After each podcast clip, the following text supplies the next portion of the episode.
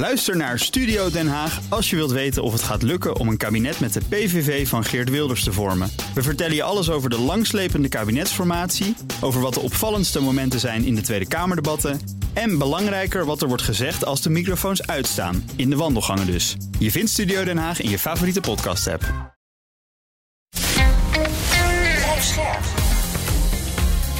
BNR Nieuwsradio. Boekenstein en de Wijk.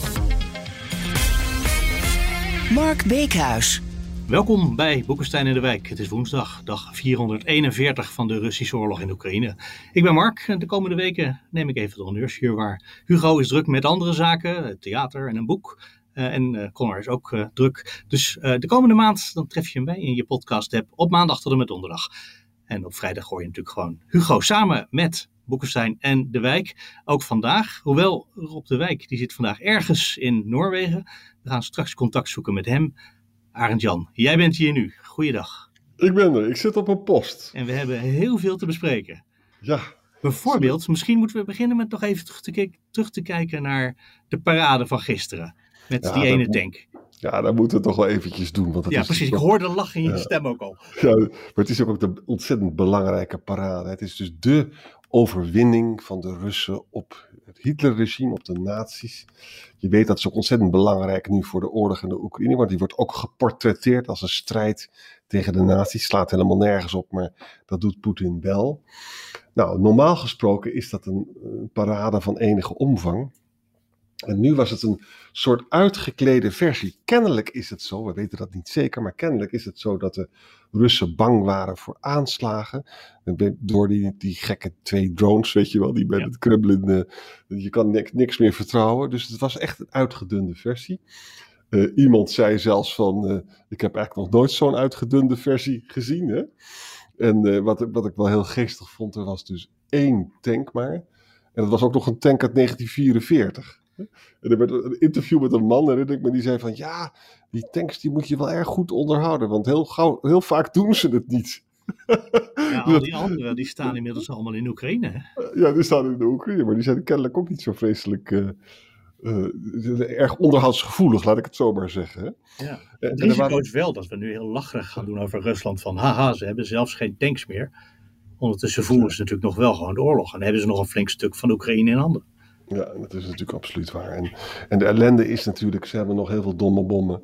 En ze hebben ook nog heel veel mensen. Hè? Dus ze kunnen, ook als, ze, als het leger corrupt is, dan kunnen ze nog steeds hele akelige dingen doen. Hoewel we in deze podcast ook een paar lichtpuntjes uh, gaan uh, benoemen. Nou, zullen we daar meteen naar doorgaan? Ja, dat het af en toe uh, goed uitpakt met de kruisraketten bijvoorbeeld. Ja, dus gisteren was er die, die, die kruisrakettenregen op Kiev. Hè? Nou, geen enkele daarvan heeft een doel geraakt. En 18 zijn neergeschoten. Dat is toch wel heel goed nieuws hoor. En zeven andere kruisraketten gingen naar andere gebieden in de Oekraïne. Maar, en de meeste daarvan werden dus ook uh, onderschept, is het Nederlandse woord. Hè? Intercepted, onder, onderschept. En dat is heel mooi. En, dat, en dat, het verhaaltje wordt nog mooier uh, omdat dus die, die Kinzal-raket, weet je wel, van enige tijd geleden, van een paar dagen Hele snelle, ja. hypersonische. Ja. dat gaat dus sneller dan het geluid. En het, het, doel is natuurlijk dat je dan, dat de luchtafweer daar geen greep op geeft, omdat het gewoon te snel gaat. Maar, maar vandaag is de bevestiging dat die Patriots die daar zijn, die zijn erin geslaagd om een Kinzal-raket. Uh, dat is een, zeg maar een opgevoerde Iskander is dat. Het is niet echt supersonisch, maar het is wel beren snel. Het is wel supersonisch, maar het is niet een echte klassieke supersonische raket. Het is meer een opgepimpte Iskander. Hè? Mm -hmm. Maar goed, Patriot heeft hij dus neergehaald. En Oekraïne wil niet zeggen of dat dus een Nederlandse Patriot was of een Amerikaanse. Maar de nationalisten mij, die droomt ervan dat het een Nederlander, Nederlandse ja. Patriot was. Hè? Voor die raket maakt ja. het natuurlijk niet uit. Maar, ja, maar hier merk je wel de bijdrage van Nederland in de oorlog. Ja, er staat dan trouwens een prachtig stuk in de New York Times. Uh, dan, gaan, dan gaan ze naar de Nationale Veiligheidsraad in Kiev van Oekraïne. En het hoofd daarvan is uh, Danilov. En die heeft een enorm scherm voor. Daar is ook een foto van in, de, in die krant. En dan zie je dus hoe ongelooflijk veel Russische raketaanvallen er zijn geweest. En bijna overal in de Oekraïne. Oekraïne is twee keer zo groot als Italië, moet je bedenken. En als je dan in staat bent om bijna overal toe te slaan dan is dat toch wel heel erg bijzonder, vind je niet? Nou, en als je dan ziet hoe weinig ze daarmee bereiken. Ja, dat is toch. Dat, is nog, eh, dat telt dan op hoe, uh, hoe indrukwekkend het is wat ze gedaan hebben. Ja, dat, dat ze dus echt onderschept worden tegenwoordig. En ook dat ze dus die elektriciteitsnetwerk niet hebben kunnen uitschakelen. Het is werkelijk een wonder. En die man die, die verspreekt zich, of als hij doet misschien wel expres, die Alexis Daan, die zegt van ja. Uh, de Russen zeggen nu, je moet evacueren uit de frontlijn, hè, want er komt een Oekraïnse aanval aan. En hij zegt, nou, ik zou ook maar vooral van de Krim evacueren. Want die brug staat nu nog overeind. Maar straks misschien niet meer. Hè? Dus hij verklapt een beetje dat ze een aanval daarop plannen. Maar dat kan natuurlijk ook een afleidingsmanoeuvre zijn. Ja, het kan ook intimidatie zijn. Maar ja, ja nou, ze hebben natuurlijk al een keer geprobeerd om die brug op te blazen. Dat bleek nog best moeilijk, want die brug stond er eigenlijk nog gewoon. Ja, maar ze hadden toch wel spectaculair. Want ze hadden dus die treinrails of hadden ze te pakken. Ja, zeker. En ze konden nog wel vrachtwagentjes, konden geloof ik rijden. Ik vond het toch wel heel ongelooflijk wat, daar, uh, wat er allemaal gebeurde. Maar goed. Ja, uh, maar goed, daar haalt daar put je hoop uit. Uit uh, dit soort, ja. het neerhalen van kruisraketten en die hypersonische. En waar, en waar, ik ook hoop uit put is nieuws uit Bachmut. We praten nu al negen maanden, Mark, over Bachmut. Negen maanden. En elke keer is het verhaal, binnenkort valt Bachmut. En binnenkort valt Bachmoed, dat is het verhaal. Nou, wat is er nu gebeurd? Net nieuws binnengekomen. Oekraïne heeft uh, een aanval gedaan achter de frontlinies. Uh, en ze hebben gebruik gemaakt van een uh, pelotonrotatie. Pelot elke peloton zit ongeveer 100 soldaten in, meestal. En ze hebben daarbij de zwakke punt gevonden. En ze hebben daar twee pelotons helemaal uitgeschakeld. En ook een verkenningsteams. Uh, bevestigt dit, dat Oekraïne heeft gewoon drie vierkante, of zeg maar vier vierkante kilometer, misschien wel vijf, uh, gepakt. Ja, de baas uh, van uh, Wagner groep. Ja, en de, en de Prigozhin staat dus weer te schreeuwen in, in zo'n in zo video, dat, dat, dat hij toch onvoldoende munitie heeft. Maar hij zegt nu ook van, ja, die, dat, dat 62e brigade van Rusland, die heeft zijn positie verlaten. Die zegt, eigenlijk zegt hij dat, dat ze dus gevlucht zijn. En ik moet je zeggen, dit is natuurlijk voor, voor Rusland echt een ramp. Hè? Ze hebben er alles aan gedaan om Bakhmut te krijgen. Ze zijn heel ver gekomen. Vervolgens krijg je die hysterie van Prigozhin. En nu pakt Oekraïne gewoon een stuk terug. En waarom? Omdat ze weer zo ongelooflijk handig uh, bezig zijn achter die frontlinies om dingen uit te schakelen. Ik vind het echt ongelooflijk. Vind je niet? Uh, nou, het is iets, je zou denken, Bagmoed had wel een keer moeten vallen. En het feit dat dat niet gebeurt, op de een of andere reden krijg je daar toch de verwachting dat het misschien dan wel terugveroverd kan worden. Ja, dat al was het in de afgelopen maanden steeds het bericht, nou ja, het gaat uh, eh, 10 meter per dag of zo. En dan duurt de stad natuurlijk heel lang voor je het hebt.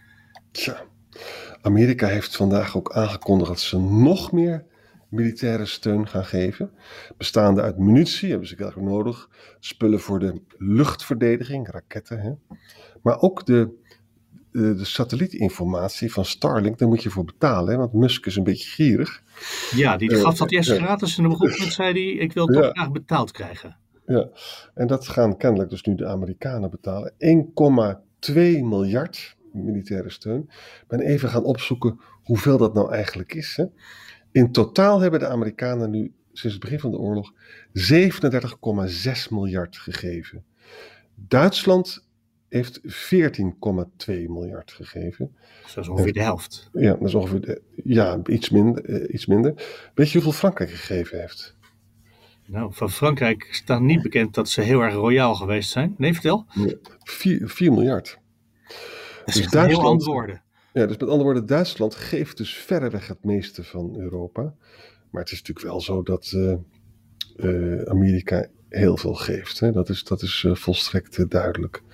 De EU als zodanige, die geeft iets, iets van 20 miljard of zo. Nou, andere landen doen daar ook aan mee. Hè? Maar Amerika doet dus nog wel veel meer. Hè?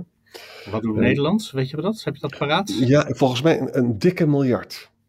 Misschien wel 1,2 Nederland doet veel en Ollongren doet ook ontzettend haar best. En Nederland is ook bezig. Hè? Veel mensen, veel experts zeggen, we hebben F-16's nodig, want ze moeten, anders gaat het niet goed, anders komen ze vast te zitten. En Nederland trekt die kar met name ook binnen, binnen Europa, maar ook met Amerika. F-16 zijn Amerikaanse vliegtuigen. Amerika moet daar goedkeuring voor geven. En Amerika vindt dat toch uh, moeilijk, want die is bang voor escalatie. Hè? Maar Nederland probeert dat dus een beetje los te trekken. Of dat lukt, uh, weten we niet. Op een goed moment komt die mededeling vanzelf. Ja, ja zo gaat dat dan. Ja. Nou, dan moeten, we over, ja. dan moeten we over de graandeal nog even wat zeggen, vind je niet? Ja, de graandeal, daar moeten we het uitgebreid over hebben. Maar ik wil eerst al je optimisme, want dat graan, nou, dat weet ik niet, dat kan alle kanten op gaan nog. Maar tussen al je optimisme is natuurlijk ook wel weer gisteren voor de zeventiende keer een journalist gedood in Oekraïne. Ja, dat, dat ik ook even benoemen. Ja, dat moeten we echt doen. Uh, dat is dus een, een, Franse journalist van Agence France Presse. Hè?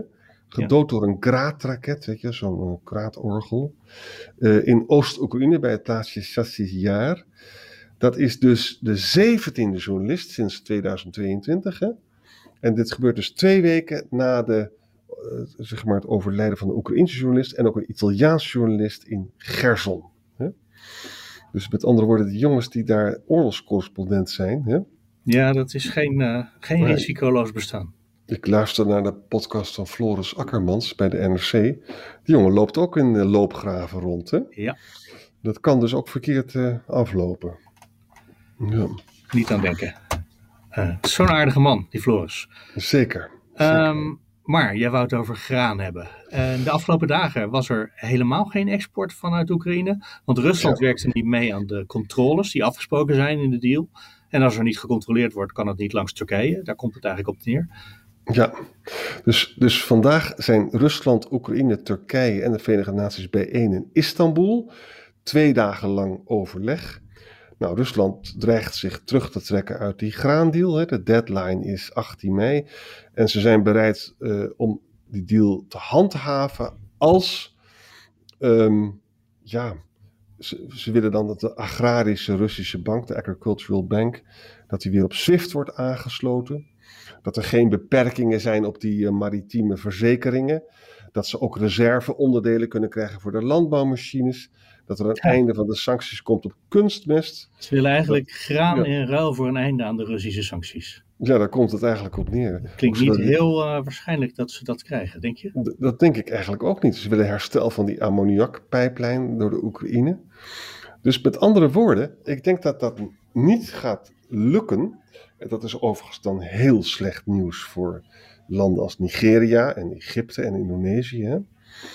Maar ik denk niet dat ze dit zomaar uh, gaan doen. En dat betekent, als je erover nadenkt, dat betekent dat die sancties daar, die gaan dus echt bijten.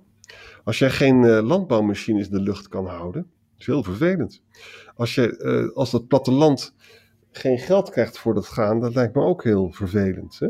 Het, ja, het, het ja. feit dat ze niet met die graandeal willen, willen meewerken, is eigenlijk wel een soort impliciet bewijs dat ze last hebben van onze ja. sancties.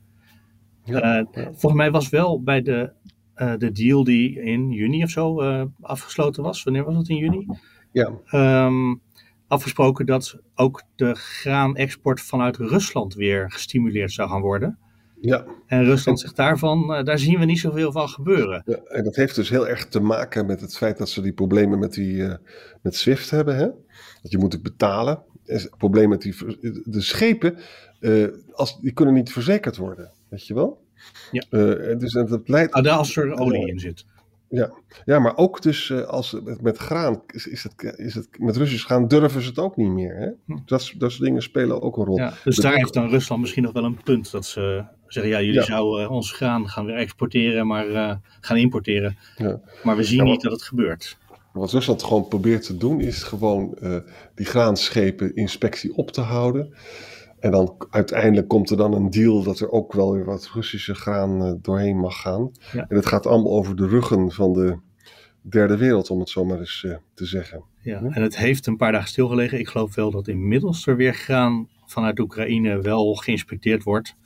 Maar ja, dan nog over acht dagen, een ruime week, dan uh, loopt de deal af en dan stopt de export in elk geval voorlopig. Ja. Maar al met al hebben we vandaag toch ook wel weer een beetje positief nieuws. Bagmoed had ik niet verwacht. Uh, extra militaire steun van de Amerikanen. Uh, die kruisraketten neergehaald. Een Kinzhal-raket uh, neergehaald. Dit is dat, slechter gekund. Vind je niet? Dat is waar. Nou, nu je nog die Amerikanen nog even noemt. Want Amerika heeft natuurlijk ook enorme begrotingsproblemen op het ogenblik. Ja, ja, ja. Ruzie Ja. tussen eh, rechts en, eh, en centrum. Ehm, gaat dat er nog doorheen spelen? Dat op een goed moment misschien gewoon geen geld in Amerika is. Omdat er de regering, wel, omdat de coalitiepartij, heet dat? Omdat de politieke partijen het niet met elkaar eens kunnen worden. En dat dan Oekraïne dan, ja, dan nu maar even tijdelijk geen munitie of geen wapens krijgt. Kijk, het zijn dus eh, lange termijn eh, financiële afspraken met Oekraïne. Dat proberen de Republikeinen nu open te breken. Waardoor ze dus daar dat als een hefboom kunnen gebruiken. Hè. Kijk, het is heel eng. Het, is- het speelt al veel langer in Amerika. Dat, het- steeds op, tot op het laatste moment gaan de Republikeinen dan door. Of andersom. Hè. Eh, ik vrees dat als je dus echt, eh, en, en Janet Yellen praat er ook over, als, je, als ze dus echt eh, defaulten, ja, dan, dan, dan krijg je een soort financiële meltdown. Hè? Ja.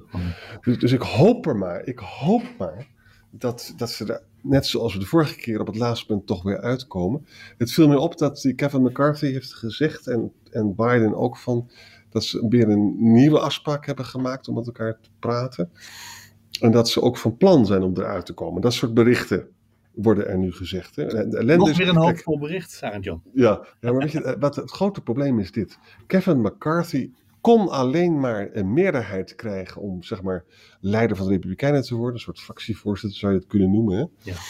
Eh, door eh, allerlei concessies doen aan, aan de lunatic fringe. Hè? Die heb je namelijk. Hè? Eh, De extremisten zou je kunnen ja, zeggen. De extremisten. En één daarvan is bijvoorbeeld dat zijn voorzitter Hamer kan zo worden ontnomen als, als hij dingen doet waarvan de meerderheid van de Republikeinen niet leuk vinden. Hè? Ja. Dus het is de, de, zeg maar de lunatic fringe is machtiger geworden. En zij zijn absoluut bereid eh, om een financiële meltdown. eh. Maar goed, dat is tot nu toe nog een minderheid. Hè? Dus laten we hopen dat het eh, zover niet komt. Maar het blijft, blijft ongelooflijk. En wat ik helemaal erg vind is dat als ik de analyses vandaag lees over Trump, Mark. Die, jong, die jongen die gaat gewoon terugkomen. Omdat je in de polls staat hij er heel comfortabel bij. Hè, we begonnen zo opgewekt. Ja, ja dus hier moet ik toch even. En ik moet er echt niet aan denken als dat gebeurt. Maar goed, je weet wat ik, hoe ik daarover denk. Ik heb een vermoeden, ik kan het een beetje inkleuren. Uh, Jan, ik denk dat wij er nu voor vandaag zijn. Ik ga eens even kijken of ik eh, contact kan maken met eh, Rob, ergens eh, in het noorden van Europa. Tot morgen, Mark.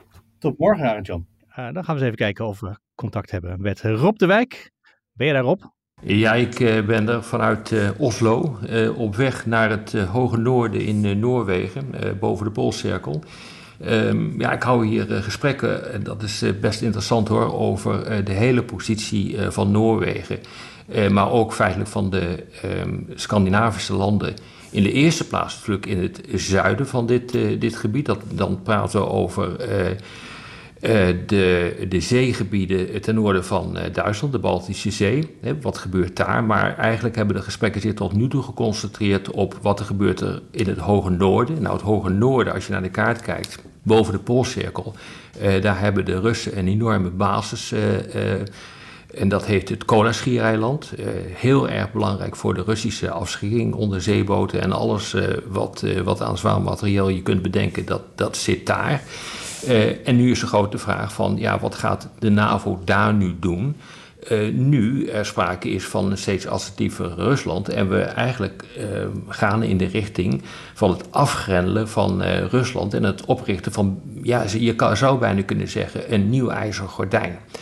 Nou, dat is een hele interessante discussie, want de, in ieder geval de Nooren, ja, die hebben daar gewoon toch twijfels bij of ze zo'n nieuw ijzeren gordijn zouden moeten oprichten, omdat eigenlijk die relatie met de Russen in dat gebied best goed is uh, geweest. En waarom zou je dat gaan veranderen? Nou dat zijn discussies die we op dit ogenblik aan het voeren zijn en ja, die ik maatloos boeiend vinden.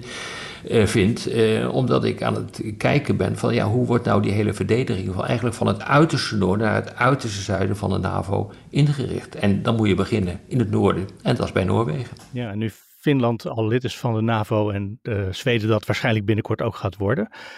Uh, dat gaat dus voor Rusland heel veel veranderen. Maar uh, ja. misschien verandert er voor ons ook wel iets? Zeker, nee, voor, voor ons verandert het ook. Want op het moment dat de, de routes via de Noordkaap steeds aantrekkelijker beginnen te worden als dat ijs vrij gaat worden. er komt toegang tot de grote grondstoffenvoorraden die in dat gebied liggen. De Chinezen die steeds meer geïnteresseerd zijn in wat daar gebeurt. Ja, dus een grootmachtscompetitie die verschuift zich ook in de richting van de poolgebieden.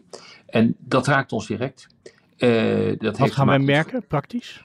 Uh, nou, dat wij vermoedelijk ook uh, met militairen daar meer aanwezig moeten zijn en realiseren dat uh, de mariniers, die oefenen daar al decennia lang, maar dat wordt nu op dit ogenblik geïntensiveerd en daar zijn natuurlijk de Nooren heel erg blij mee. Nu in Noorwegen, maar dat zou dus ook in Zweden kunnen gaan gebeuren. Dat zal misschien ook in Finland erbij komen. Dat zou, dat zou maar zo kunnen. Dat hangt er dus helemaal vanaf welke afspraken worden gemaakt in de context van de NAVO en hoe dat hele noordelijke gedeelte uh, moet worden beschermd in het kader van de collectieve verdediging, de gezamenlijke de verdediging uh, van de NAVO.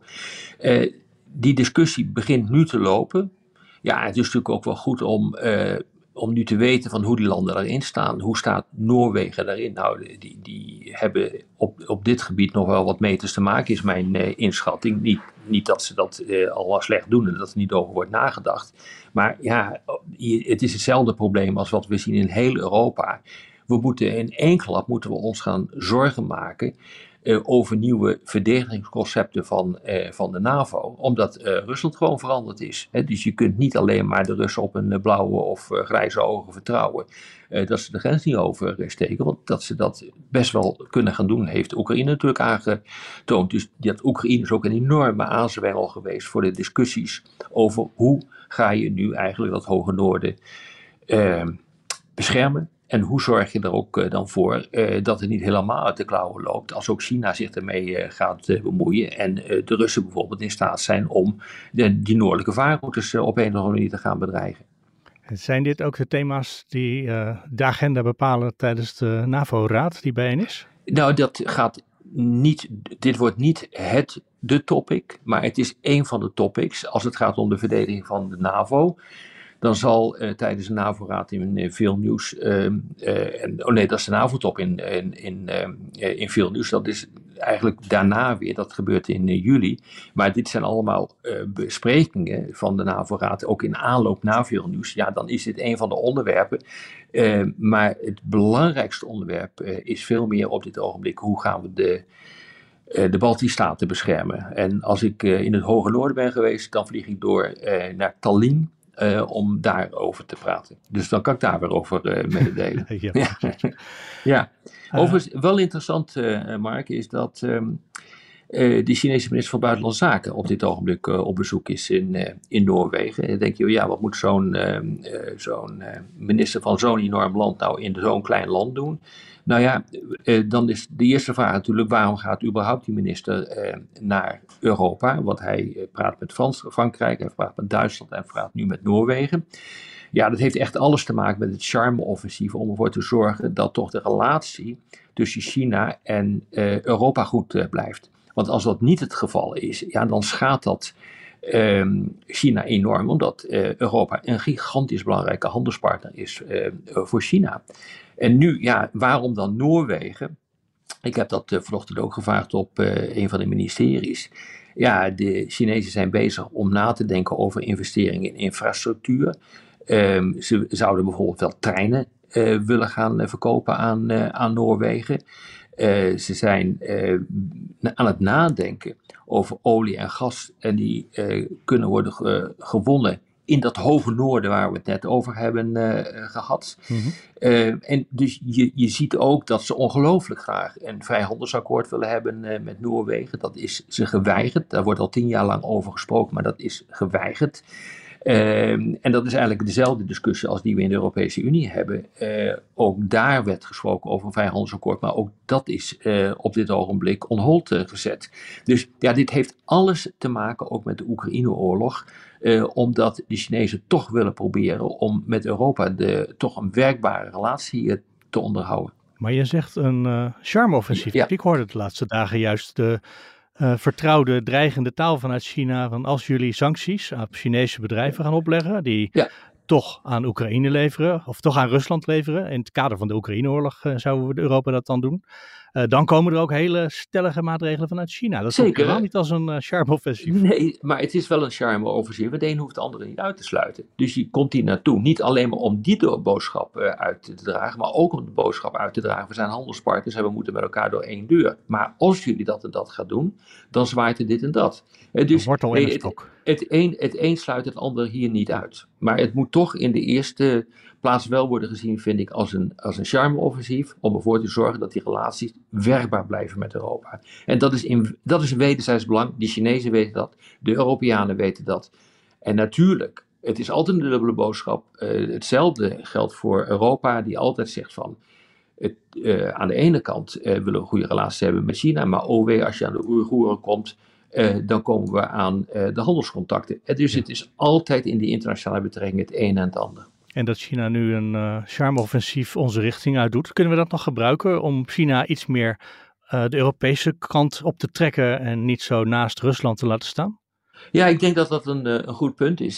het antwoord is nee, op dit ogenblik niet, want dat hangt helemaal af van wat Poetin wil. En Poetin wil op dit ogenblik geen bemiddeling hebben. Dus dan houdt het op. Dus er ja. moet echt een punt komen in de strijd dat de beide partijen zeggen van oké, okay, nu moeten we er even mee ophouden, nu een pauze inlassen. Dan zou je kunnen zien dat zowel Europa, Amerika, maar zeker ook China de stap naar voren kunnen uh, gaan nemen. En met name China kan dan proberen te gaan bemiddelen, in ieder geval in de richting van het Kremlin. Ik denk dat we er zijn voor vandaag, denk je niet? Zo is het, denk ik ook. Dankjewel en uh, tot morgen. Nou ja, morgen ben jij geloof ik ergens ondergedoken, maar ja. dan uh, spreken we als het, als, het als het me lukt, kom ik erin. Maar uh, als het me niet lukt, dan moet je het maar niet kwalijk nemen, want ik zit boven de bolcirkel. Ja, precies. Dank je.